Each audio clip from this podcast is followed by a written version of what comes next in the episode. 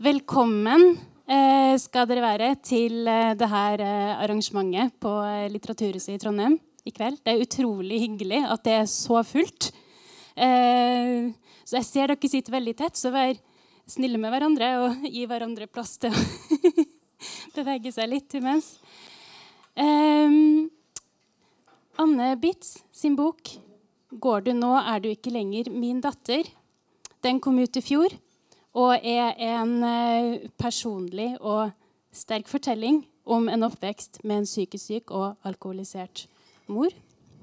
Og I dag så skal hun eh, snakke om denne boka sammen med Susann Ødegård Dypvik. Kanskje hun også skal snakke litt om eh, sin nye bok som kommer ut til høsten. Den handler om bevegelsesfrihet i offentlig rom, særlig etter metoo-kampanjen, og heter 'Frihet, sex, søsterskap'. Brev til en ufødt datter. Eh, jeg har også lyst til å si at eh, samtalen først nå varer i sånn 45 minutter, kanskje. Og så tar vi en pause, så dere kan kjøpe dere noe mer å drikke i baren, eller gå på toalettet, eller eh, ta en liten eh, luftetur. Eh, og så eh, fortsetter vi igjen etter det. Så da er det bare å ønske dem hjertelig velkommen. Anne, velkommen til Trondheim. Takk. Ja. Føles det bra å være her? Ja. Mm. Uh, først har jeg lyst til å takke deg for at du har skrevet en veldig viktig bok. En veldig god bok. Uh, det har vært uh, interessant og følelseslada å lese den. Har det? Jeg har kjent på veldig mye forskjellige følelser. Um, og det er en bok om din oppvekst og veldig mye mer enn det. Er det? Eh, Det er en bok om eh, hvordan det er å være barn i et miljø der man forsvinner. Hvordan er det å sitte her nå og ikke være usynlig i det hele tatt? Det er jo holdt jeg på å si, et tveegget sverd. Mm. Fordi også som barn kunne man jo liksom Min strategi var jo ofte eh, Når ting ble vanskelig hjemme, så satte jeg meg inn i et skap, og så skrev jeg. Det var ganske deilig å kunne stikke seg bort. eh, og det er vel kanskje et behov jeg tidvis fremdeles kan ha. Nå går det ikke an å stikke seg bort. Nå er det veldig mange mennesker som kontakter meg og vil dele sin historie. Mhm. Eh, som viser meg vi har å gjøre med et folkehelseproblem av dimensjoner. Det er veldig fint å kunne få mulighet til å være med og sette det på agendaen. Mm.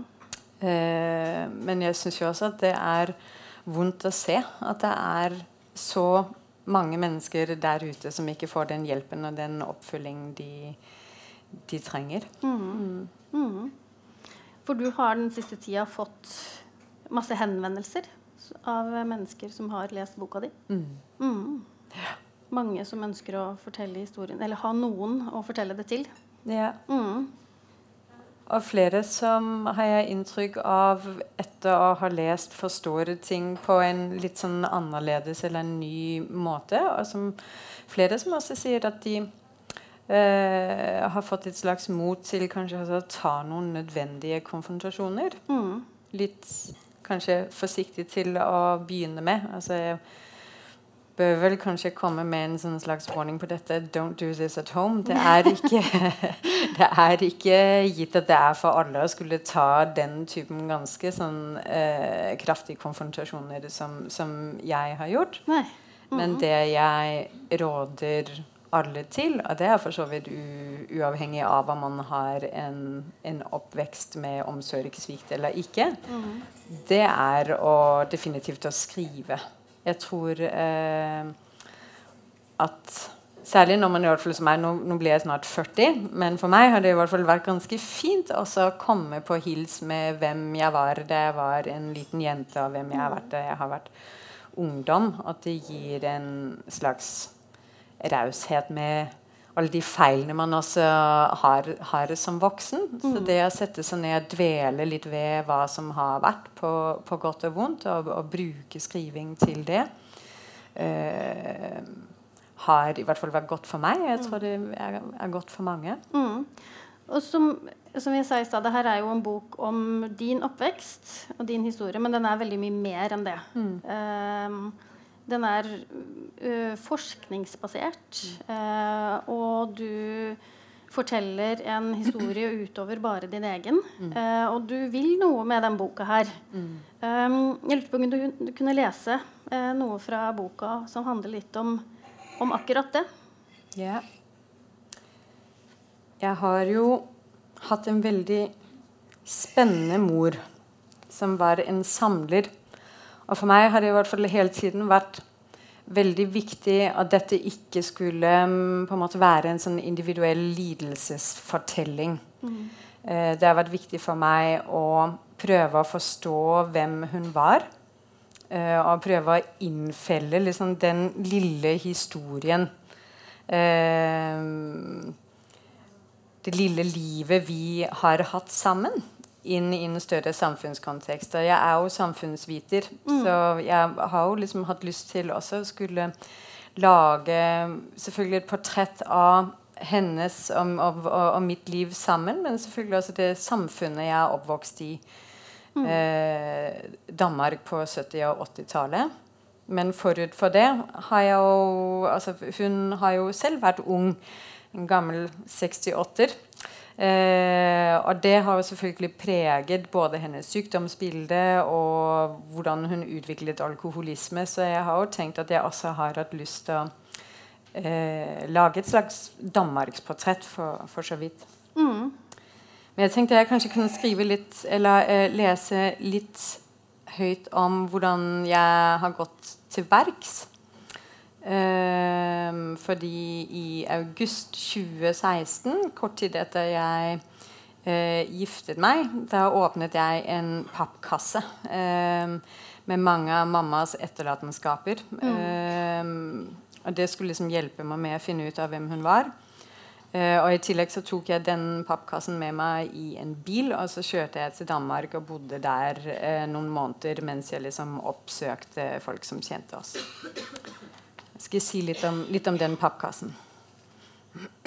som sto i en kjeller først.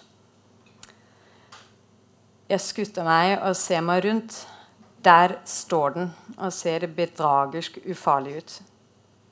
Pappen er lett sammenfallen etter flere års eksponering for kjellerliv med vekslende temperaturer og fukt.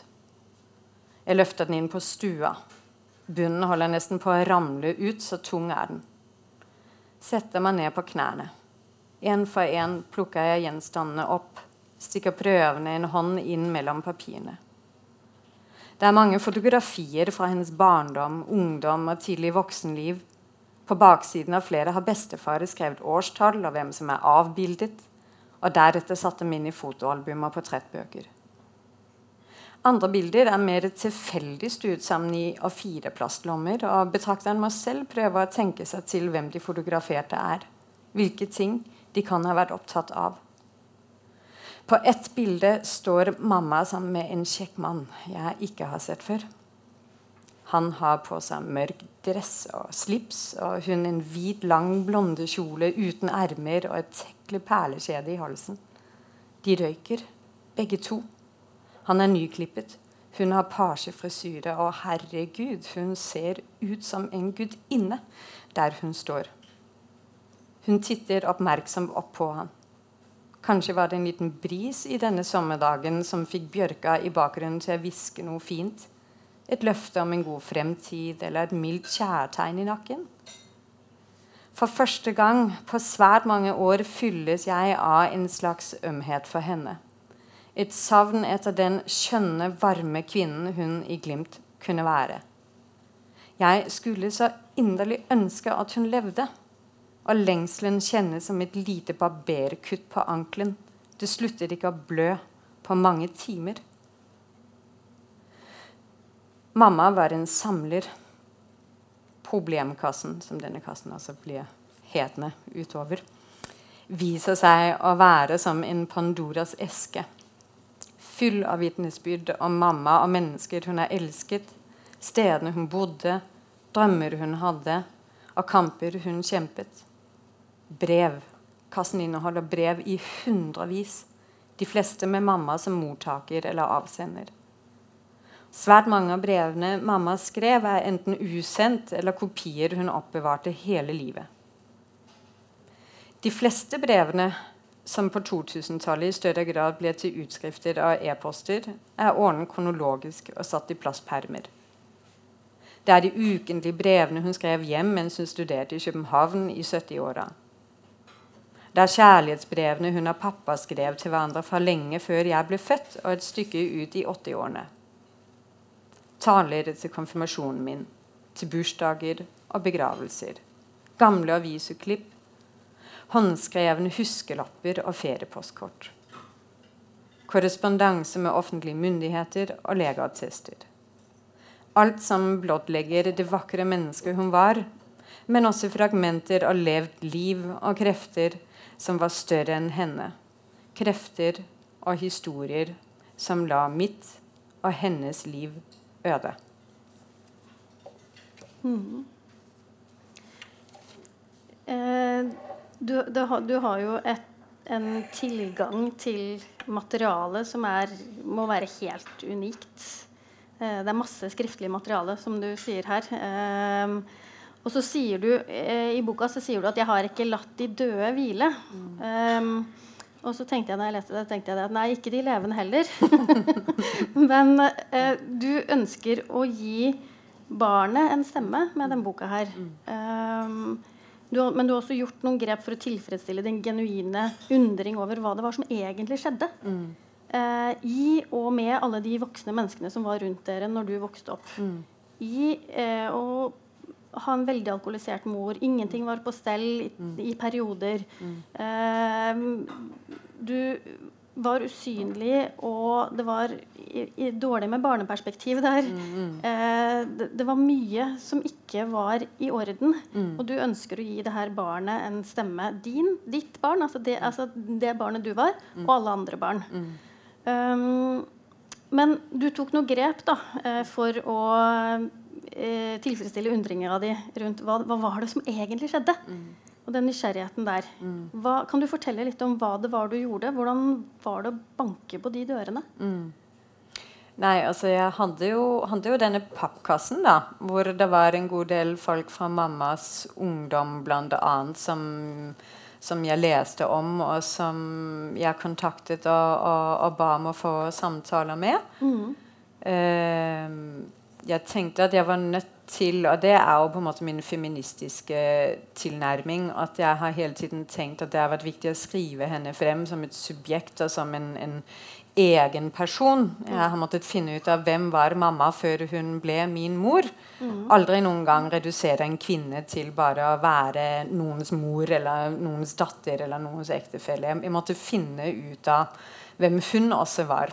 Så da har jeg jo selvfølgelig oppsøkt også uh, familie av de, de som, som, fremdeles lever. Uh, som har kunnet gi et bilde av hvem hun var som barn og ungdom. Uh, og naboer som kjente oss mens, ja, mens, mens, jeg var barn og ungdom. ja. Mm -hmm. Flere forskjellige. Mm. Lærere har jeg snakket med ungdomspsykolog, alle mulige som har krysset vår vei, mm. og som jeg har tenkt kanskje um, har, har kunnet være med på å stykke sammen et bilde. For det er liksom det jeg liksom har tenkt, at jeg har hatt denne pappkassen som på en måte har vært et, et tekstarkiv mm. som jeg har måttet sortere mye i.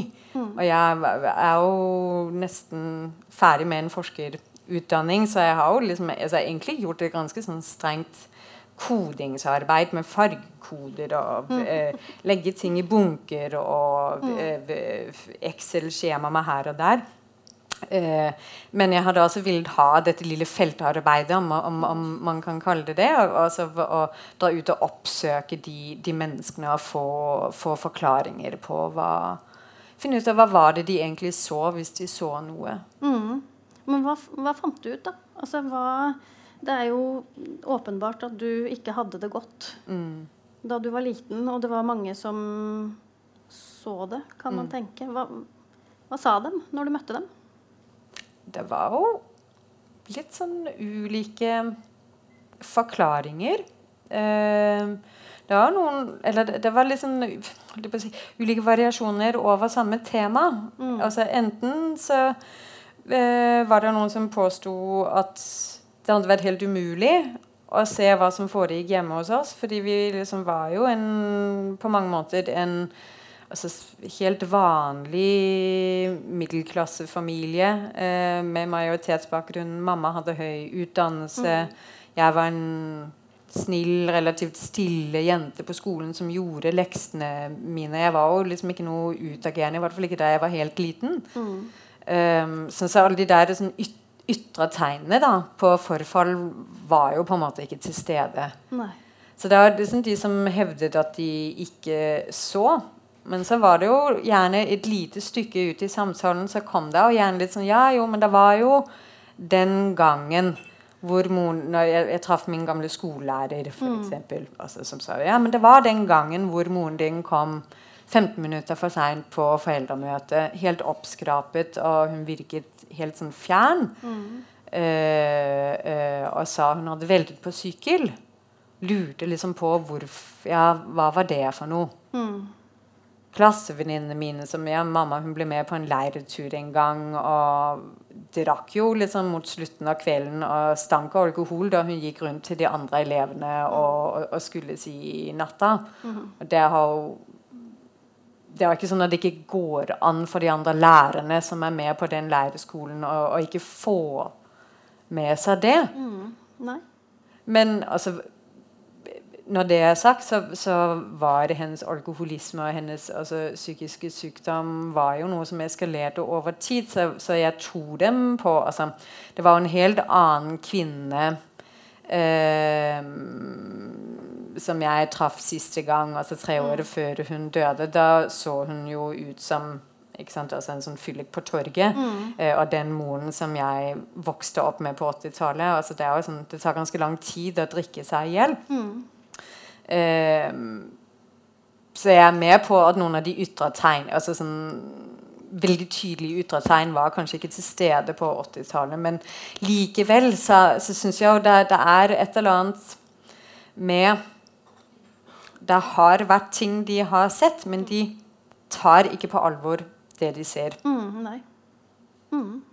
Det syns jeg er en veldig eh, spennende eh, del av boka. Altså den, det går jo gjennom hele boka. Men eh, det er en av de tingene som gjør boka veldig viktig, tenker jeg. Mm.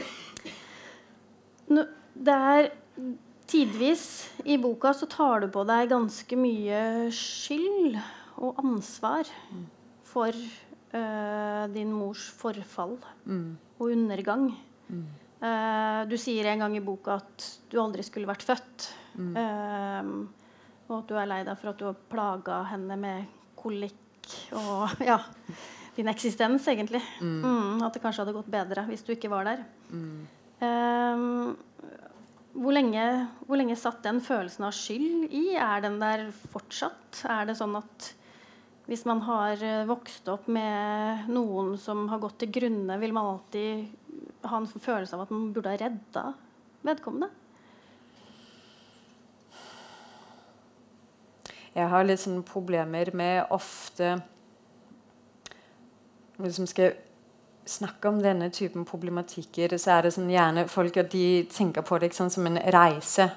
Og kanskje jeg også skyter meg selv nesten litt i foten ved at jeg legger det ut sånn at her er det en kronologi. ikke sant? For hun fødes i 1948 til hun dør i 2007. Det er én kronologi, og så er det den kronologien som er hvor jeg reiser rundt fra september til november-desember i, i, i 2016. Så jeg legger det jo på en måte også ut som en reise med et startpunkt og et sluttpunkt.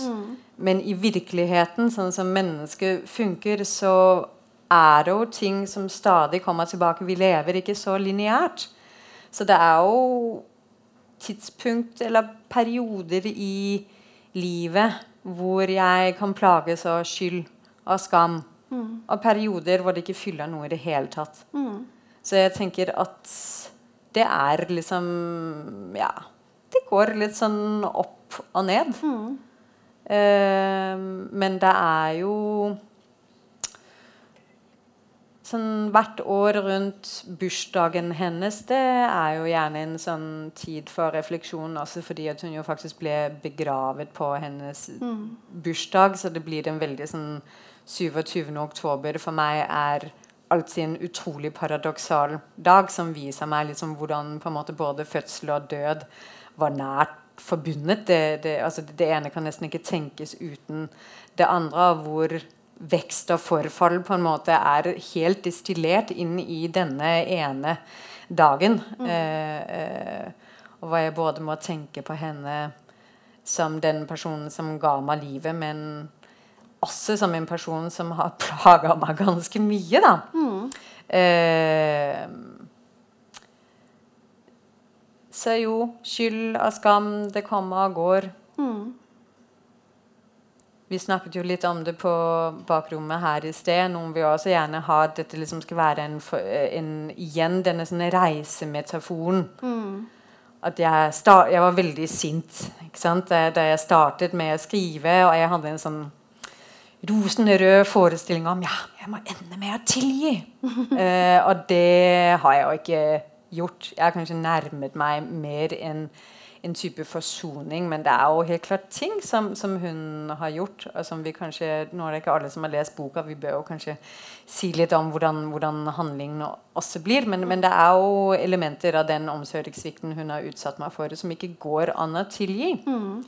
Eh, og det har jeg også ønsket å ville problematisere med den boka. At det er liksom en sånn fetisjisme rundt tilgivelse i samfunnet vårt. At man en sånn forestilling om at hvis ikke man tilgir det, så er du liksom plaget resten av livet. Eller du er et veldig sånn et, et lite Litt sånn, ja Et, et lite menneske. Ja. Mm. Uh, og det tenker jeg jeg, tenker det er, jeg, jeg tenker det er feil. Jeg tenker at det er de store menneskene som kan eh, romme både sinne, bitterhet, eh, glede. Som både kan se framover og bakover og romme de, den kom, komplekse historien. På en måte. Det, og det har jeg hatt et ønske om at den boka skal kunne. Eh, men det er jo ikke bare sånn meg og min, min. Altså jeg vil jo også at samfunnet som sådan skal, skal romme den kompleksiteten. Jeg blir, Vi blir fattige som samfunn om ikke vi rommer de komplekse menneskene og den komplekse alkoholikeren også, for den del. da. Ja, for i kravet om eh, tilgivelse eh, så ligger det på en måte også et slags krav, tror jeg, om at nå må du gå videre. Eller nå må du bli ferdig. Yeah. Og det virker jo urettferdig mot veldig mange. At Det er ikke alltid man kan det. Nei. Mm.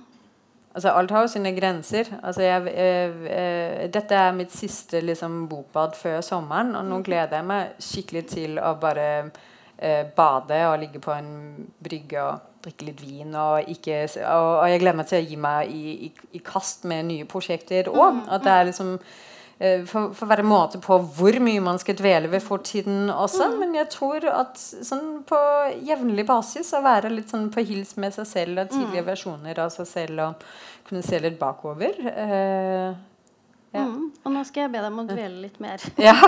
ja. Um, det er jo sånn at eh, eh, boka handler jo om å vokse opp med en veldig alkoholisert mor. Eh, og alt hva det innebærer. Eh, og den omsorgssvikten du blir utsatt for. Um, og noe av det jeg syns kommer veldig godt fram i boka, er hvor um, hardt barn av alkoholikere jobber. Um, de eh, drømmer og håper og ønsker og fikser og organiserer og vasker og alt. Altså, det er så hardt arbeid for et barn da, å være barn i et sånt hjem. Um, og du jobber også veldig hardt, så jeg lurte på om du kunne lese litt um, om noe som handler om det. Side 88.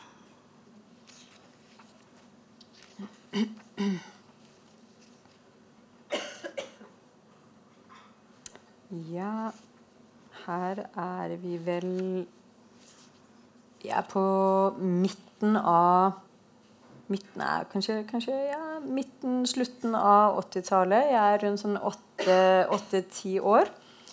Eh, moren min og faren min var jo aldri gift, og han var jo altså, Det var et ekstremt utrert eh, venstreorientert miljø jeg vokste opp i. Altså, pappa holdt seg egentlig med harem. Han var jo godt uh, uh, gift da, i sitt ekteskap nummer to, eh, da han og mamma traff hverandre på midten av 70-tallet. Så hun oppdro meg jo egentlig som alenemor mm. i, i, i, mine første leveår. men på dette tidspunktet så har de funnet sammen, og vi lever ute på landet. Um, i, eh, ja, ute på, på, på, på landet i, i, det sørlige Jylland i Danmark. Og det er en periode hvor de ikke har det særlig bra sammen. Eh, mamma var jo bipolar. Eh, og brukte alkoholen til å trøste seg, men fikk aldri noen egentlig medisinering. Eh, jeg husker deres relasjon som jeg vet at den har vært veldig lidenskapelig eh, eh, da de var unge og forelska, men dette med å flytte sammen og leke familie ute på landet, det, det funka ikke så spesielt bra. Og pappa var liksom moderat interessert i husarbeid. og det nå kommer vi liksom inn på et, på et, tidspunkt i boka hvor det er altså En, en skilsmisse er egentlig liksom un, under oppseiling. og det er eh, nattlige krangler fordi at eh, hun syns ikke at han gjør sin andel av husarbeidet. Eh, det irriterte også meg, fordi det var ganske mye som da falt på meg da med dette husarbeidet når verken han gadd eh, eller hun lå på ettermiddagen da og sov ut rusen, da. Eh, ja. Venninnene mine syntes at det var kult at jeg fikk bytte rom så ofte. Ingen fikk vite hva den egentlige grunnen var. At huset til stadighet skulle omorganiseres når mamma hadde en manisk periode, eller bestemte seg for at hun ikke lenger ville sove sammen med Helge. Faren min, altså. Noen ganger sto jeg utenfor soverommet og lyttet til klunkingen på den andre siden av døra. Det var så fælt når hun var utrøstelig de periodene var verre enn når hun fikk for seg at vegger skulle rives, eller når hun satt oppe til langt på natt og skrev. Unntakstilstand var ordet mamma brukte om de periodene. Og når det var unntakstilstand, så skulle man ta ekstra hensyn til henne. En periode var mitt største ønske at mamma forlot Helge. Jeg prøvde intenst å overbevise henne om at det kunne bli så fint med bare oss to. Så kunne vi bo i et lite hus med huskestativ og drikke kaffe og spise krydderkake på ettermiddagene. Gjerne ved et rundt lite trebord med kniplingsduk. Jo lengre tid det gikk uten at mine forsøk på konfliktløsning førte frem, uten at de skilte seg, dess mer usikker ble jeg på at min stemme hadde noen betydning. Jeg ble mer og mer opptatt av å vaske hjemme. Og Noen ganger fikk jeg hjelp av Heidi. Vi vasket hele huset. Luftet ut og strødde blomsterblader på flisegangen utenfor huset før mamma kom hjem fra lærerskolen. Og hun ble så glad og lo og smilte og klemte oss. Jeg sørget for å vanne blomster og potteplanter. Særlig gjorde jeg en innsats for å holde liv i husfreden på stuebordet det er en bestemt type potteplanter, da, mm. for de som ikke er inne i botanikk. jeg gjorde en særlig innsats for å holde liv i husfreden på stuebordet. Hvem vet, kanskje det kunne ha en magisk effekt. Og Siden det ble røyka innendørs og vi bodde på landet, la nikotin og fluelort seg som en gul, seig masse i plisséskjermene på stuelampene uh, og på lampen som hang over spisebordet. Jeg har et bilde på netthinnen av hvordan jeg gned og gned mens barnehendene mine ble stadig mer skrukkete av rengjøringsmidlene, og hvordan det svidde i neglerøttene. Som barn bet jeg mye negler. Duften av Ajax og klorin har fremdeles en beroligende virkning på meg. Mm. Um, det er jo Når man leser det her, så er det jo veldig lett å legge merke til eh, eh, vaskinga og gnikkinga og det fysiske arbeidet du måtte gjøre. Men noe av det som på en måte smerter meg mest, som jeg sa i begynnelsen av spørsmålet her, at det er jo den jobben du gjør med å håpe mm. på vegne av dere alle. Det å, det å, å så innstendig ønske seg duk og krydderkake og mm. et A4-liv, da. Mm. Um, og så tror jeg det som, det som, kanskje treffer meg mest, er um, den tapperheten. Mm. Fordi når barn må være tapre over så lang tid, mm. så kjennes det. Mm. Du, har du tenkt på det noen gang? Hvor, hvor, tapper du måtte være som barn? Ja, men vet, man kjenner ikke til så mye annet. Nei. Eh, og man er jo bare overgitt disse voksne. Det er noen gang bare sånn altså det, det, tror jeg altså, eh, På godt og vondt er jo barn fryktelig tilpasningsdyktige. Mm. Eh, og det er jo også noe av det som gjør altså, det vi vet fra forskning både på alkoholisme og seksuelle overgrep, er at nettopp denne tilpasningsdyktigheten som mange barn har, og den lojaliteten de har til sine overgripere, er jo gjerne det som gjør at overgrep og ulike former for omsorgssvikt får pågå. Mm.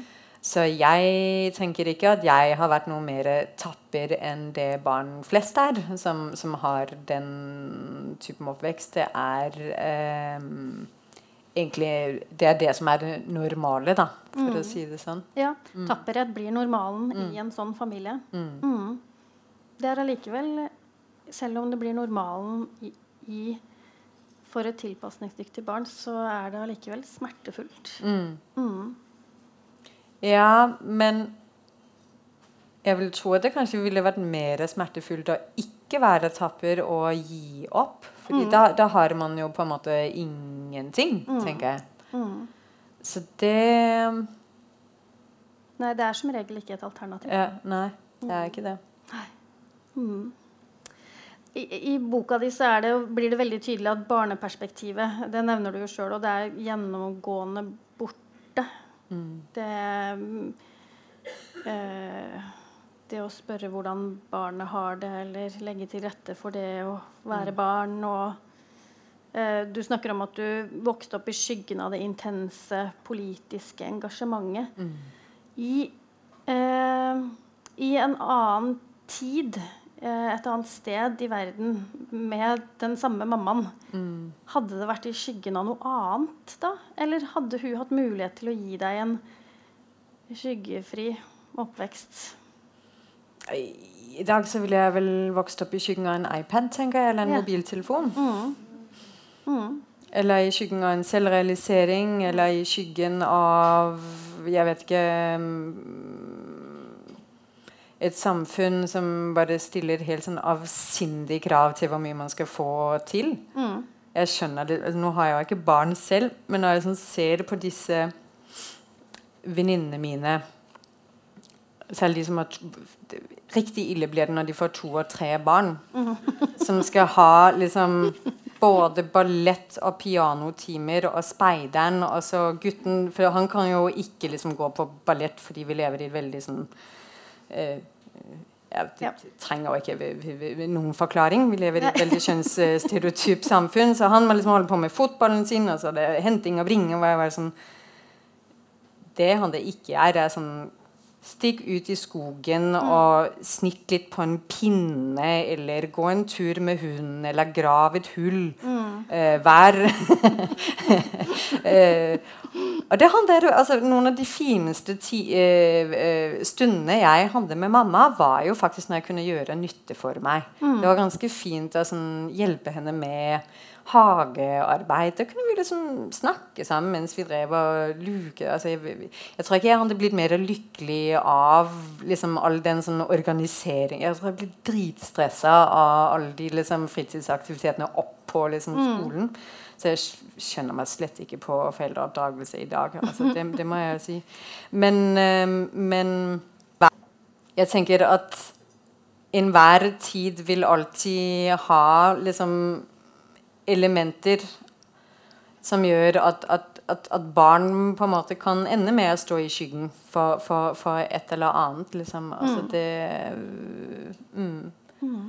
Og det er jo en, en, en, en kunst Um, å, få, å, å, å, få, alt til å gå, gå i hop. Mm. Jeg, jeg, kjenner det. Jeg mener ikke egentlig altså, at, at, disse folk som gjerne vil, vil, gi ungene sine mange fritidsaktiviteter, men det, det, men, men det jeg tror Bare sånn helt sånn intuitivt er at det de aller fleste barn trenger, er noen som setter seg ned og snakker med dem og spør dem om hvordan de har det. Og det er, det er gratis, liksom. Mm. Eh, og det, det skulle jeg kanskje ønske at at, uh, at, det også, at, det er noe man kanskje kan hente litt ut av denne, denne boka òg. At, at, det vil være uh, en god del også omsorgssvikt som går an å oppdage hvis man faktisk bruker tid med barn, og ikke bare ens egne barn, men barnas venner, eh,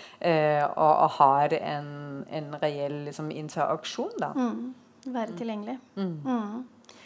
Når du snakker om uh, mammaen din og, og din når du hjalp til i hagen, og sånn, så, så, tenker jeg på det her med at jeg syns at du har, gjort, har klart det kunststykket å forstå din mor som sammensatt. Mm.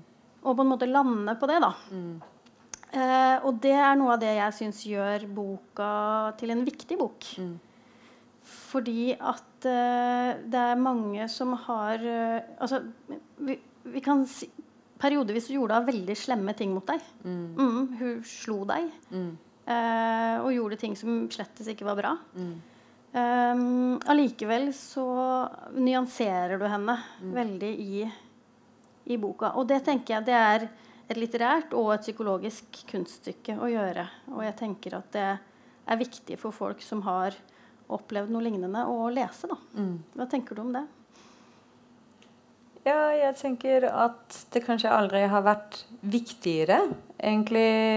Altså, og, og, det gjelder ikke bare i forhold til omsorgssvikt mot barn, det, det gjelder jo i, i, i, forhold til mange fiendebilder. Altså, jeg tenker Vi lever i en tid mm. i dag med mange fiendebilder, med ekstremt mange stereotype forestillinger om de andre. Mm. Uh, uansett om det er flyktninger som, som, kommer hit, eller om det er uh, personer som for, for, forgriper seg på barn. Altså, det er ikke lenge siden at vi uh, hadde en justisminister som, som, omtaler dem som monstre. da. Mm. Og da syns jeg det er ganske paradoksalt. Altså, nå har vi ikke vært inne på, på det, men, men, boka skildrer jo også at jeg, jeg ble utsatt for incest. Og jeg syns det er ganske paradoksalt at jeg som eh, eh, er en overlever etter incest, at jeg skal måtte sitte og ta barneovergriperne nesten i forsvar... At jeg må be forsvarsministeren om ja. å ha en mer dannet ordbruk. Ja. Eh, eh, jeg syns det er helt vilt at, mm. at, at, at vi liksom kan leve i, i, i tider hvor Vet, det er bare helt sånn mangel egentlig på danse, ofte, syns jeg, i, ja. i, uh, i, den offentlige debatten. Og sosiale medier hjelper ikke. Mm. Uh, sensasjonshungrige medier hjelper ikke, uh, som ønsker seg folkedomstoler i Eh, eh, i etterkant av si, metoo-kampanjen. Altså, det er veldig veldig, veldig spissa fronter. Mm. Og Da tenker jeg at, at, det trengs litteratur som minner oss på at selv liksom, bak de, de, grusomste handlingene så er det um, et, et, et, menneske. Mm. Eh, og det er gjennom å erkjenne det menneskelige i ondskapen at vi kanskje kan være med på å forebygge Mm. At det gjentar seg, da. Mm. Og som sagt, eh, for å gjenta meg sjøl, så tenker jeg at det er en av de tingene som, jeg, eh, som gjør at jeg tenker at boka er viktig. Mm. Men hva vil du eh, hvis det kommer noen da og sier ja, men jeg, jeg, jeg får ikke til å nyansere, hvordan gjør jeg det? Mm.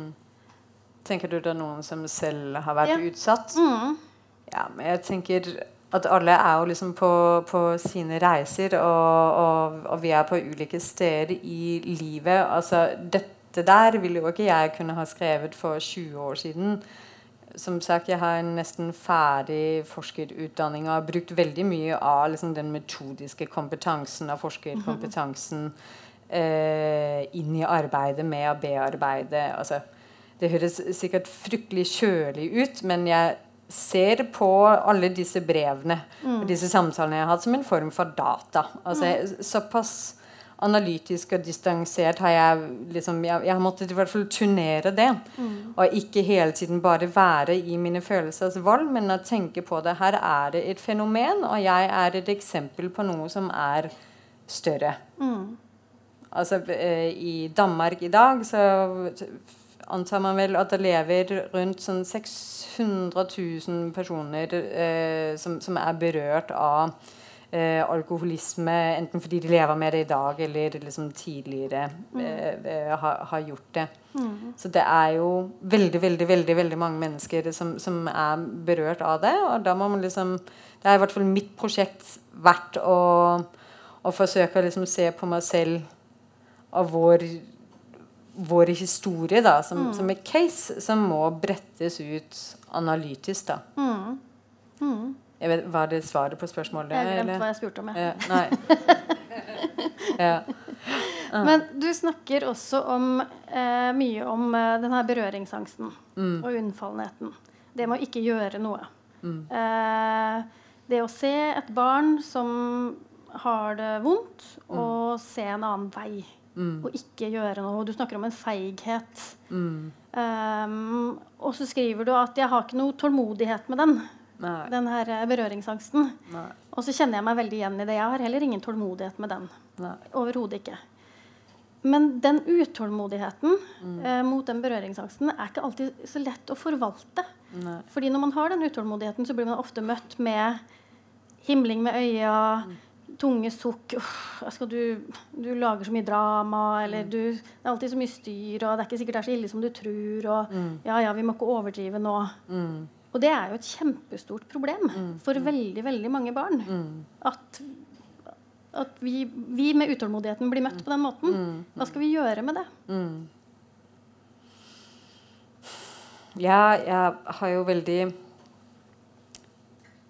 tro på altså, Eller det jeg hører deg si, er eh, eller, eller det jeg i hvert fall sånn, har, har hørt andre da som jobber eh, enten i psykiatri eller barnevern, liksom sier at det kan være vanskelig i det kollegiale fellesskapet å få en slags tilslutning til eh, f.eks. om det må sendes en bekymringsmelding. Eh, eller hvordan man liksom skal gripe inn i en familie. Eh, at ofte så venter man veldig veldig, veldig lenge, og man må se det an. Og kanskje jeg har misforstått, og man vil jo liksom ikke påføre noen heller et unødig stigma. Man har vel kanskje også en slags frykt for at hvis man tar feil, hva man da er skyld i at denne familien får, får tatt fra seg et, et, et barn. Men da tenker jeg at altså, man, får jo sjelden til noe alene. Så hvis man står som en, en fagperson som, og er en del av et kollegialt fellesskap hvor eh, det er mye nøling med konfrontasjon, så må man jo nesten bare prøve å alliere seg med noen, da. Mm. Hva med alle som privatpersoner, da? Som får en, møter barn som eh, ikke har det bra. Hva, hva skal de gjøre? Nei, igjen, jeg, jeg tror at det å skulle forsøke å gripe inn i en familie helt, helt på egen hånd, tror jeg ikke er lurt. Altså, men jeg tror faktisk at, at å gå og banke på en dør kan være nødvendig. Hører du noe liksom, hos naboen, eller ser du liksom unger i nabolaget som løper ute til alle mulige rare tider, eller har du altså, for- de som har barn da, og får deres venner på besøk hjemme, og de spiser, spiser, spiser Fordi de kanskje ikke egentlig får mat hjemme. Altså man må jo være obs på, jeg, på, på, på, den typen tegn og ha de samtalene. og skulle, skulle, man da få tilgang til informasjon som tyder i retning på at her er det en familie som enten altså, Det trenger ikke å være sånn helt galopperende omsorgssvikt heller. Kanskje er det noen som bare trenger støtte eller har en stressende periode. Mm. Og som vil sette pris på avlastning, eller vil sette pris på mm. eh, at det ja, kommer noe ekstern støtte. Mm. Det tror jeg mange ikke vet. Altså Når man hører barnevernet, så ser man liksom for seg nesten barn som, som blir mm. tatt ut og satt inn i en mm inn i en bil og kjørt bort. Men altså, barnevernet har jo veldig mange eh, si, ulike former for intervensjoner før en reell omsorgsovertakelse. Det er jo støttesamtaler. Så jeg tenker at barnevernet kunne kanskje også gjort litt med sitt eget image og faktisk gjort det klart i befolkningen mm. hvilke tjenester det faktisk er de tilbyr. Mm. Eh, men, men, jeg tenker, har man en bekymring om, om, en familie hos noen man kjenner, så gå og bank på, på døra, men ikke gjør det alene. Ta med mm. eh, Hvis man har en partner eller en, eller en venn, og kanskje uttrykke bekymring heller enn fordømmelse eller Still mm. spørsmål, da. Mm. Få mer informasjon. Ikke bare sånn Ja, nei, må bare se det an. Mm. Var det det du skulle ønske at noen hadde gjort for deg da du var liten? Ja. Ja, ja. Mm. Så klart. Men altså, det var jo også voksne som jeg oppsøkte selv og ba om hjelp, mm. eh, og som jo ikke ikke gjorde noe. Jeg forble jo ikke å være bare en sånn snill, stille eh, jente som pleasa mamma. Etter hvert som jeg kom opp i tenårene, ble jeg jo fryktelig opprørsk og mm. eh, hva, skulle, hva skulle du ønske at de hadde gjort, da? Nei, jeg skulle jo ønske at det liksom var blitt tatt på alvor, den henvendelsen jeg selv tok til, til mm. barnevernet. Jeg skulle ønske at naboene hadde konfrontert henne. Mm. Eh, det var jo en, ved en anledning hvor jeg liksom hadde fått juling en kveld, og hvor jeg løp bort til naboen mm. og, eh, og, og, og, ringte på døra hvor de slapp meg inn. Og etter hvert så kom hun og krevde å få meg utlevert. Mm. Og så sendte de meg henne eller de, de, sendte meg hjem til henne. Mm. De utleverte deg? Ja. Mm. Det skulle de jo ikke gjort. Nei. Skulle Selvfølgelig skulle de ikke ha gjort det. Altså, øh, det jeg, det helt av, jeg, jeg, skjønner egentlig ikke at det er mulig. Nei. At der står øh, en, en, ungdom på din dør og sier 'Jeg kan ikke være hjemme, det er farlig'. Altså, ja. Nei, det... Så, altså, øh, men, det, men, det, forteller meg bare den ene tingen, og det er at altså, øh, voksnes respekt for andre voksne, eller frykt ja. for andre voksne, mm. det er mektig. Veldig. Det er så utrolig mektig. Mm. Uh, og jeg snakket med den presten som begravet mamma. Uh, hun holdt en utrolig fin tale, eller en veldig fin preken. Eh, eh, som har, liksom gjorde inntrykk i, i, mange år. Og hun nettopp også tegnet et veldig sånn nyansert bilde av mamma. Og jeg hadde liksom bruk for å, å snakke med henne om boka og snakke med henne, med henne om mamma. Jeg spurte henne liksom, hva, hva er det vi skal gjøre for noe med den frykten. Eh, hvordan er det det skal liksom være mulig i det hele tatt å redde barn hvis mm. alle går rundt og, og, har så mye angst for å konfrontere andre? Mm. Og så tenkte hun seg om, og så sa hun men du vet det, Anne, at i frykten er vi helt lammet. Mm. Det er bare kjærligheten eh, som kan få oss til å, å mobilisere noe. Ikke mm. sant? Og, og, og det vet vi jo. Mm. At det er jo gjerne for våre egne barn eller ekstremt gode venner at det er noen, noen få vi går i ilden for. Mm. Og jeg vet ikke om det er mulig å få kjærlighet for hele nabolagets barn. Men jeg tror det er mulig å bli bedre kjent med nabolagets barn, så de ikke bare er sånne små satellitter man mm sånn, kanskje så vidt ser. Og jeg tror at jo mer kjent man blir med andre mennesker, jo enklere vil det også være å se det som de trenger noe, eller det som de lider. Mm. Og jo mer du ser, og jo mer du kjenner til en person, jo vanskeligere blir det også å se den andre veien. Mm. Og det er liksom Det er mitt håp, da. Mm. Eh, men jeg er jo nok litt altså jeg, nå, jeg, nå, skal jeg ikke sitte og si veldig mye mer om iPads i kveld, men, men jeg opplever jo at vi lever i et uh, samfunn hvor vi forskanser oss mer og mer. Mm. Og det har tross alt noe godt liksom, med liksom, disse 68-erne og det, det, som var på 70-tallet og deler av 80-tallet, mm. hvor det var mer interaksjon på tvers liksom, av generasjoner. At uh, det er ikke mitt inntrykk at at, hel, altså, at, at, vi er i ferd med å skape et samfunn hvor mm. vi egentlig omgås mer. Mm. Vi omgås kanskje mer liksom, elektronisk, men, men, jeg tror det er de fysiske møtene som, som det trengs mer av. Mm. Også så man liksom skal kunne oppdage de barna som mm. trenger det. da. Uten tvil. Mm tror vi rett og slett må ta en pause. Ja. Må vi gjøre. Ja. da tar vi en liten pause på ti Skravla går her, hører jeg. Vi har ikke så veldig mye tid igjen. Vi skal snakke sammen eh, litt til før vi runder av. Eh, og etterpå så skal du signere Det blir boksalg, og så skal du signere bøker for dem som ønsker det. Mm. Mm. Eh, så det er greit å få med seg for dem som har lyst til å ha med seg en signert bok i dag. Mm. Vi hopper bare rett på videre.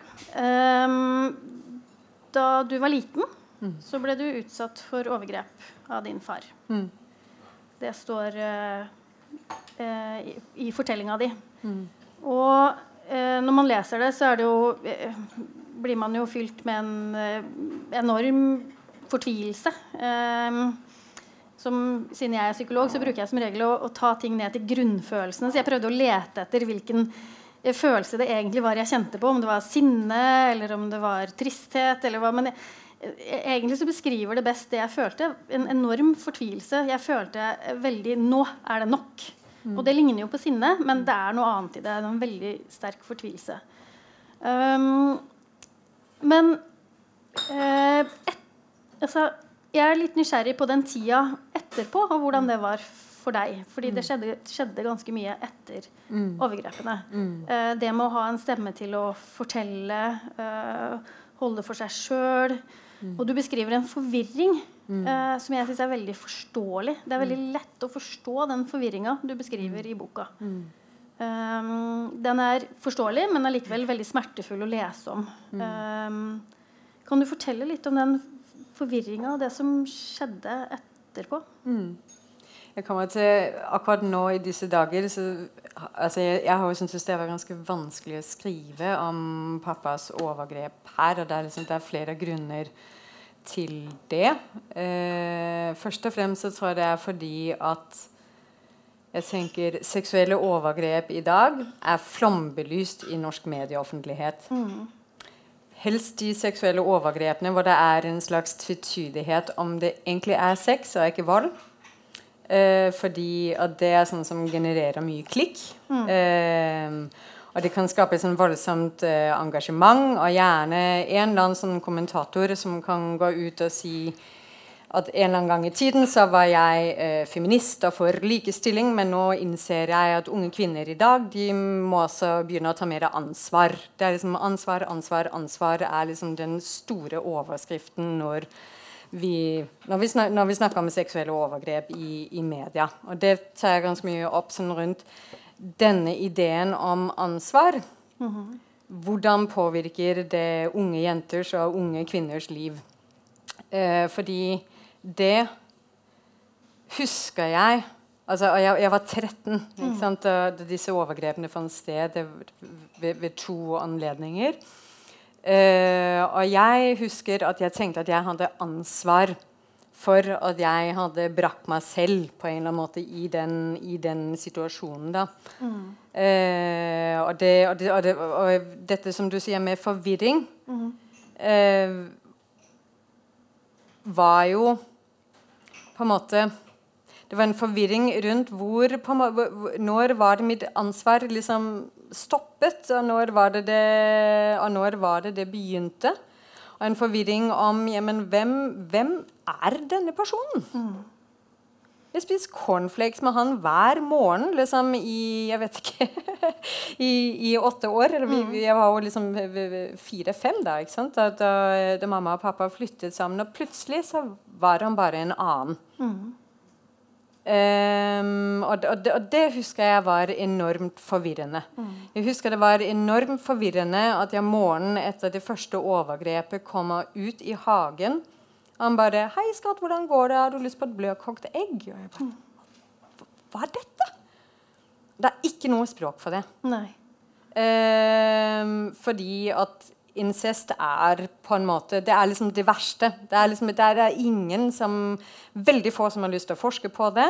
Eh, og det er ikke så særlig mye interesse for det i media heller, nettopp fordi at det er egentlig helt sånn rå patriarkalsk overmakt. Mm. Det går ikke an å skulle begynne å si noe om egentlig at barn har ansvar eh, for incest, eller begynne å kickstarte en debatt om eh, sømmelighet, som man jo liksom vet er noe som engasjerer mange i befolkningen. Så dermed så blir det noe som er veldig unevnelig på mm. sett og vis. Mm. Voldsomt tabubelagt, og, eh, og, det gjør det ekstremt vanskelig for de barna som utsettes for det. Eh, både å finne sin egen stemme og artikulere klart liksom, hva, hva, det er som foregår, og liksom få hjelp til å, å, å rydde mm. opp for seg selv i hva, hva, hva dette er. Mm.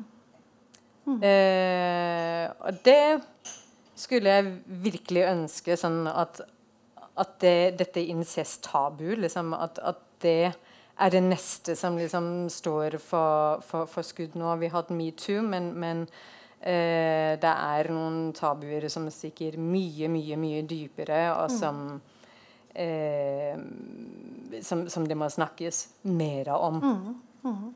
Og det er mørkt, og det er mm. ubehagelig, og det er liksom vi, vi, tenker at det er de verste menneskene som begår det, men Eh, jeg kan jo, kan jo altså, eh, Min pappa er jo frem, fremdeles min pappa. Vi har, vi har ikke noe kontakt.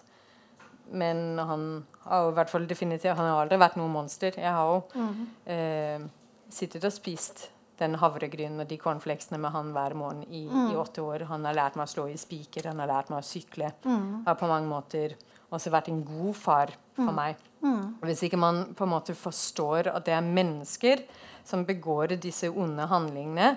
Det er mennesker som slår ungene sine, det er mennesker som forgriper seg på barna sine. Mm. Så kan det egentlig bare fortsette å få pågå, tenker jeg. Mm. Altså, da gjenkjenner man det ikke eh, når det skjer eh, rett ved siden av deg, hvis mm. man går rundt og har en forventning om at om at det er et sånn ikke-menneske, liksom. Som, mm, for det er, det er jo et samfunnsproblem i dag. Det er jo mm. at vi ikke oppdager disse barna. Mm. Altså, det er, de kommer gjerne ut på noe statistikk etter at de har blitt voksen. Mm. Som, uh, mm, mm. Dette skjedde den gangen. Men vi oppdager ikke barna mm. i, i, det det skjer. Det gjør vi ikke. Så det er jo et samfunnsproblem. Ja, og så er det et problem tenker jeg, når voksne ikke evner å hjelpe barn med å rydde opp i denne forvirringen. Ja. Men kanskje det er fordi vi som voksne også selv er ganske forvirra fordi vi syns det er ekkelt ikke sant, mm. å, å, å, å, ta i det. Men jeg, jeg tror at det, den eneste måten du kan hjelpe et overgrepsoffer på, er jo nettopp å få hjelp til å fjerne den tvetydigheten når man selv har en mm. slags skyld i det som har skjedd. Da. Mm. Du ville lese noe og, um, som handler om det her. Mm. Ja, det, det, altså, det, er et forsøk på å gi en stemme da, altså til, til den forvirringen og den tenåringsjenta liksom hva Hva det er hun vil liksom, når, når hun har uh, vært utsatt for disse tingene. Uh, ja. Mamma var blitt betrodd den største av alle hemmeligheter, og hun reagerte nesten umiddelbart med vold. Det sto ikke tydelig for meg da at det var det det var vold. Heller ikke at det kunne være en årsakssammenheng mellom det pappa hadde gjort, og slagene og all ydmykelsen. Jeg trodde oppriktig talt at hun slo meg fordi jeg var slem eller oppførte meg provoserende. At jeg kanskje hadde fortjent det. I hvert fall litt. Selv om kroppen min med all tydelighet fortalte meg at jeg var utsatt for voldsomme krenkelser. Parallelt med julingen, drikkingen og de spottende ordene kranglet vi om hvor mye jeg skulle få se på TV, hva jeg kunne bruke penger på, om jeg fikk gå på fest. Og sammensausingen av vanlige tenåringskonflikter og volden alkoholismen og de seksuelle krenkelsene gjorde det vanskelig for meg å lokalisere hvilke av mine følelser som var uttrykk for berettiget harme. At jeg snakket med høyere volum, var ikke nødvendigvis ensbetydende med at jeg stolte mer på min egen dømmekraft. Og ikke ble det mer oppklarende av at mamma stadig sa at jeg var sinnssyk. Det sa hun iblant når vi kranglet. Ditt sinnssyke pikebarn, du er akkurat som søsteren din. Sammenligningen med min halvsøster var ikke tilfeldig valgt og hadde ikke bare å gjøre med at jeg hadde valgt å kalle meg det samme som henne.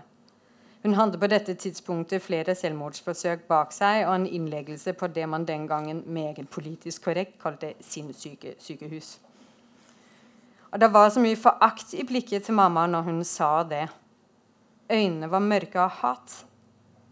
Og når hun sammenlignet oss, hendte det at jeg tenkte at hun kanskje hadde rett deprimerte og sinnssyke personer visste jeg hadde ukontrollerte følelsesutbrudd, mye sinne og gråt.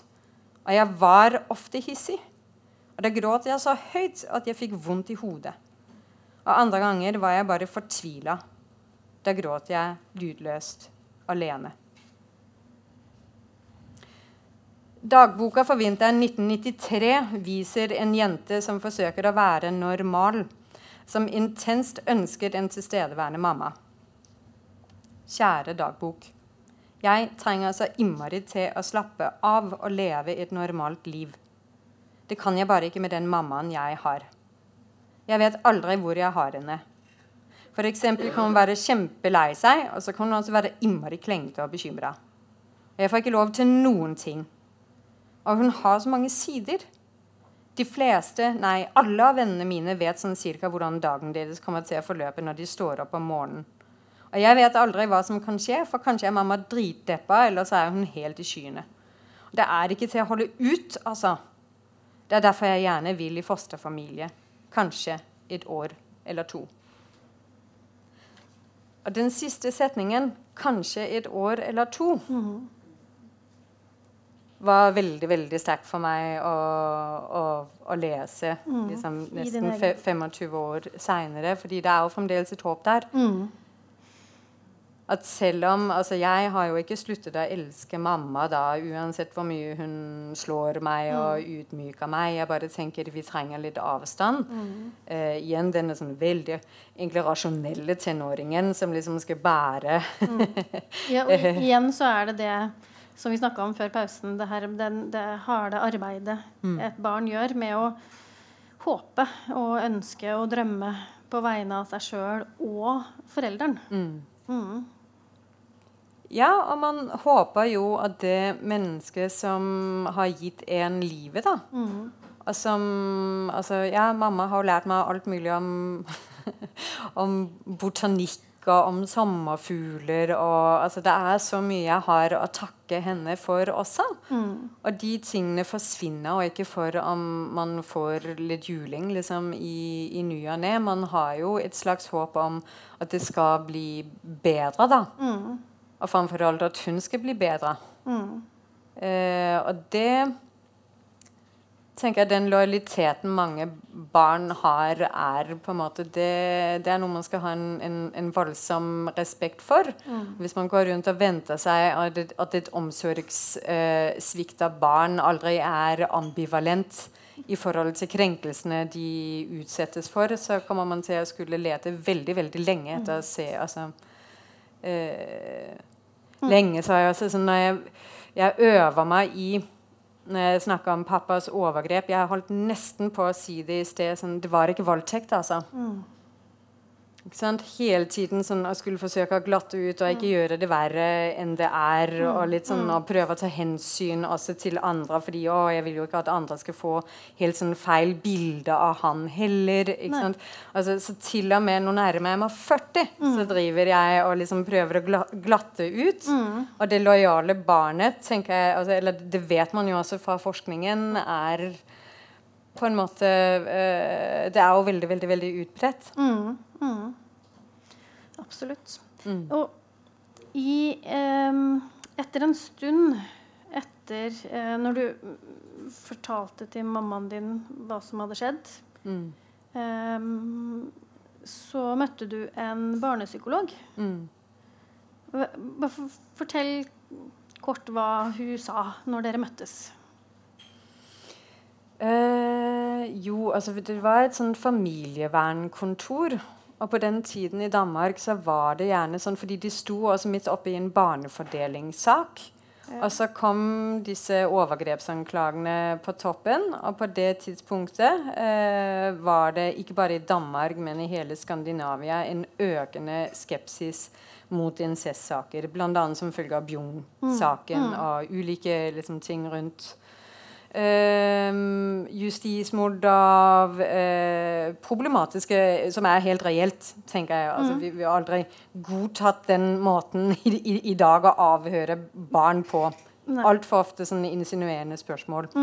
Men det var i hvert fall det ideologiske holdt jeg på å si, den ideologiske slagmarken jeg kom inn på da jeg var på dette fa- familievernkontoret, hvor altså de ehm, jeg husker det fremdeles veldig tydelig. Altså, det, det satt disse to kvinnelige psykologene og som sa sånn ja, Velkommen her til oss. Og eh, eh, nå skal vi ha en samtale om eh, hva som har skjedd. Men først må vi bare liksom fortelle litt om rammene for samtalen. Og eh, liksom, hva, hva, hva gjør vi på dette stedet? Eh, og, og så sa de at eh, målet for samtalen eller terapiforløpet eh, Det liksom skulle være å normalisere da for, for, forholdet mellom meg og pappa, så vi på sikt kunne gjenoppta kontakten. Eh, sånn helt ordrett så sa de Ja, vi skjønner at du har en konflikt med faren din. Ja. Og jeg bare Hva faen, liksom? Det er ikke mye konflikt her, liksom. Eh, som jo bare var en veldig, veldig, veldig rar ting å si. Men det var altså eh, Så har jeg kombinasjonen med at disse overgrepsanklagene eh, eh, skjedde innenfor konteksten av en barnefordelingssak, så tenkte man på ja, men her er det mye rart ikke sant, som foregår i denne familien. Og mamma var jo litt sånn eksentrisk. Og? At, at da igjen forsvinner dette, dette lille barnet. Egentlig sette seg ned og lytte ordentlig til hva, hva det er som blir sagt, eller i det minste stille et åpent spørsmål. da. Ja, for, for la oss bare stadfeste det først som sist. At hvis et barn forteller om overgrep, så møter man det ikke med å kalle det en konflikt. Eh, du skriver i boka 'hva faen', og det er det jeg tenker ja, og når jeg leser det. Hva i Jeg forstår rett og slett ingenting når jeg leser det. Det er veldig vanskelig å forstå. Det er eh, det å kalle det en konflikt. Mm. Men det er jo en egen diskurs. Altså, det fins jo altså, flere sånne eh, mannsrettighetsorganisasjoner som, som jo altså i protest liksom, mot kvinnebevegelsen og den feministiske bevegelsen har gjort det liksom, til sine merkesaker og, eh, og liksom kjempe for menns rettigheter i forbindelse med, med barnefordelingssaker. Da, som eh, mener at, eh, at det visstnok skal være ganske utbredt. da, At eh, liksom sånn hevngjerrige mødre eh, kommer med incestanklager for å, liksom, for å få barna. Og man kan ikke se bort fra at det skjer.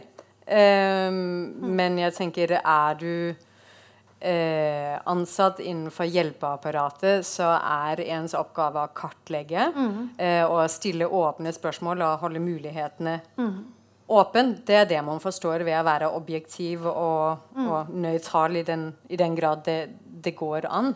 Og det er det som er fint med å, at det er en, også en forsker som skriver om sin historie, fordi du skriver også i boka at det vanlige eh, er ikke å ljuge om overgrep, men å tie om det. Mm. Mm. Og det tenker jeg er viktig at alle har med seg, da. Mm. Mm. Jo, jo, men altså det er den seneste omfangsundersøkelsen for Nasjonalt kunnskapssenter om vold og traumatisk stress. Altså det er det som Mm. ikke nødvendigvis Eller går det ikke spesifikt på incest, men, men på seksuelle overgrep i det hele tatt, viser jo at det liksom er to tredjedeler av alle utsatte som aldri liksom snakker med noen Mm. eller oppsøker hjelp. Mm.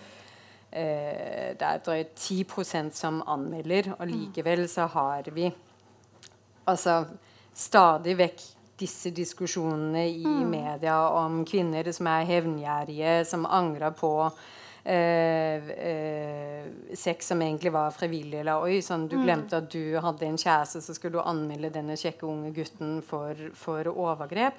Og igjen, jeg sier ikke at ikke det, kan, at ikke det forekommer, Neida. men når vi vet at så mye som 90% av alle voldtekter aldri blir anmeldt, så syns jeg at det er ganske spesielt å skulle bruke såpass mye eh, eh, energi og kalorier Mm. på, Mm. på eh, denne myten om kvinner som, som lyver og dikter opp overgrep. Da. Mm. Ja, absolutt. Um, det, eh, hun psykologen som sa at du var i konflikt med din far, eh, og som begynte å snakke om eh, å gjenoppta samvær og sånn, hun var ei av dem som du dro tilbake og møtte da du skrev boka. Mm. Ehm, kan du lese litt fra det møtet? Ja.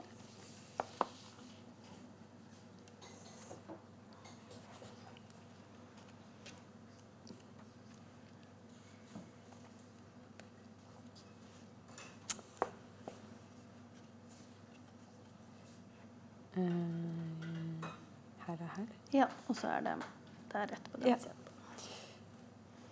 Navnet på barne- og ungdomspsykologen som tok meg imot våren 1993, har jeg aldri glemt. Hun representerer et ørlite håp. Så jeg googla henne, finner kjapt navnet på hennes nåværende praksis, sender en mail og ber kort og godt om et møte.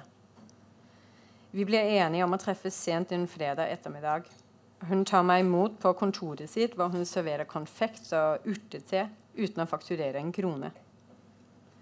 Enda hun verken husker meg eller familien min eller har noen dokumenter som kan lede henne på rett spor, bruker hun halvannen time på å snakke med meg. Og ikke på noe tidspunkt forsøker hun å avslutte samtalen som forløper utforskende og respektfullt.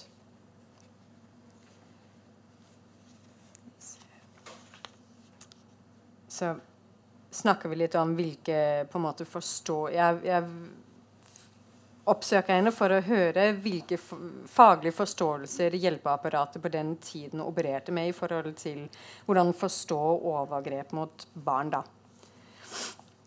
Eh, og da skiller hun eh, for, Forklarer hun at de på det tidspunktet så skilte de eh, mellom det de kalte for kjærlighetskrenkere, Eh, og de som er på en måte mer sadistiske og sexfokuserte tyranner, som hun kalte det. Eh, ja. Psykologen forteller at de på rådgivningssenteret etter hvert begynte å se litt mer nyansert på tingene.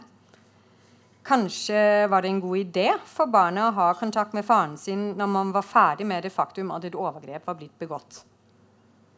Jeg spiser ører. Hun nøler og famler etter ordene. Forklarer at det var veldig mye fokus på hva som skulle skje videre når overgrepene var stoppet.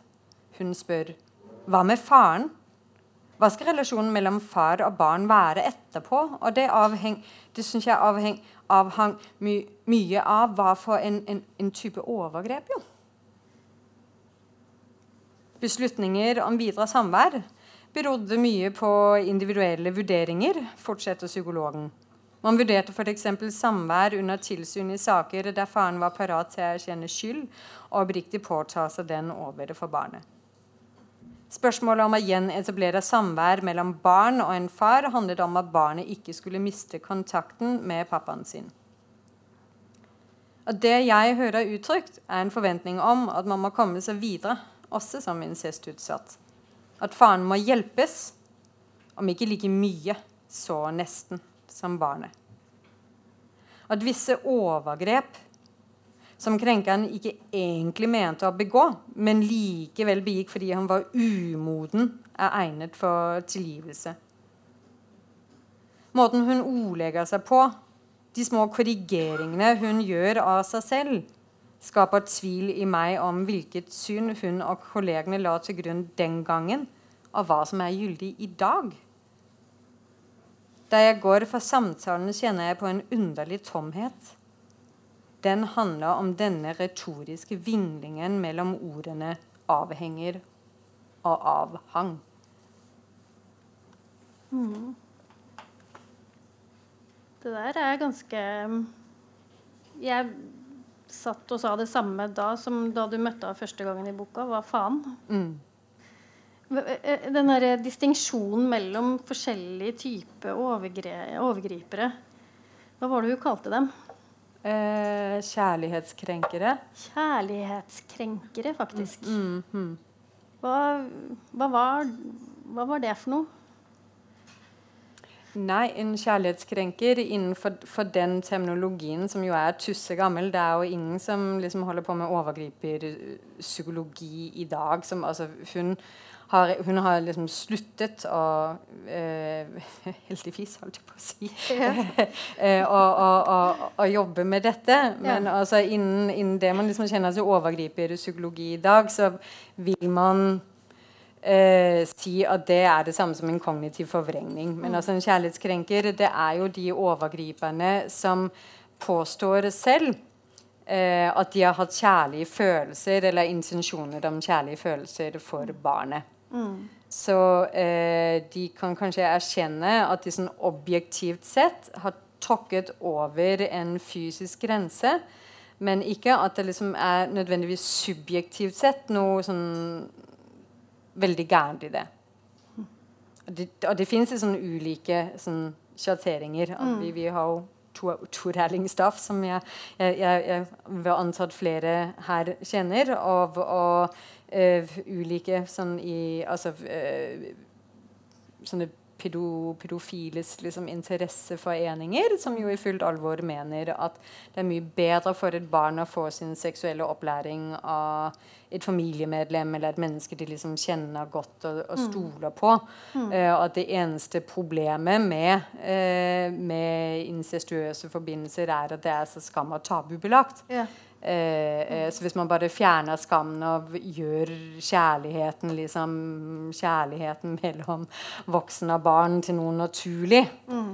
eh, Og hvis kvinnebevegelsen liksom bare kunne sluttet å mase så mye om alt dette med, med makt, så, så, eh, så, ville vi alle Mm. Eh, vært seksuelt harmoniske. Mm. Så det, så det, og det jeg tenker på, jeg er ikke i tvil om at du vil kunne finne overgripere som, som tenker sånn Når psykologstanden overtar det, det er det vi liksom i forskning kaller en perspektivovertaking. At du mm. faktisk ikke eh, forholder deg til det som et utsagn eller mm. som en, en, slags holdt jeg på å si, en forsvarsmekanisme som hindrer deg i fullt ut å ta konsekvensene av hva det faktisk er du har gjort. Du mm. omskriver det til å være noe annet. Mm. Det er av begrepet kognitiv forvrengning. Mm. Og jeg vet at pappa han, han, har omtalt det han gjorde mot meg, som at det var, det var faderlig omsorg. tror jeg også var, var ordet han, han, han brukte. Mm. Uh, og det kan jo, Jeg ser ikke bort ifra at han kan ha opplevd det sånn i, i situasjonen. Mm. Og har fortsatt å tenke på, på det som, som, det i, i mm. etterkant. Mm jeg har ikke tenkt meg å finne ut av det. Altså det, det, det der går på en måte min, min, min grense som, som ja. forsker. Men jeg, mm. jeg syns jo det er interessant at det er et visst overlapp mellom den retorikken han bruker, mm. og den retorikken som også eksisterer på mm. diskursiv plan, eller altså i psykologdomenet, om man kan si mm. det sånn. da. Um tida går, og vi må begynne å runde av. Ja. Eh, dessverre. Eh, som jeg snakka om før, så er det her et, eh, en bok som man kunne ha snakka om veldig lenge og på veldig mange nivåer. Um, men jeg lurte på en ting sånn avslutningsvis. Eh, du skriver i boka at du ville finne ut hvordan et menneske kunne gå så til grunne. Mm. Som mammaen din gjorde. Mm. Fant du ut det? Kom jo i hvert fall nærmere noen svar. Mm. Altså, jeg visste for eksempel det, det, var, det var sånn ett møte eller en e-post egentlig som var utrolig skjellsettende. fordi jeg har alltid tenkt på mamma at hun liksom var sånn så sprudlende og så utadvendt. Mm. Og på en måte så selvsikker og hun var så retorisk og høyt utdannet. og Det er liksom også gjerne det bildet mange mm. tegner av henne.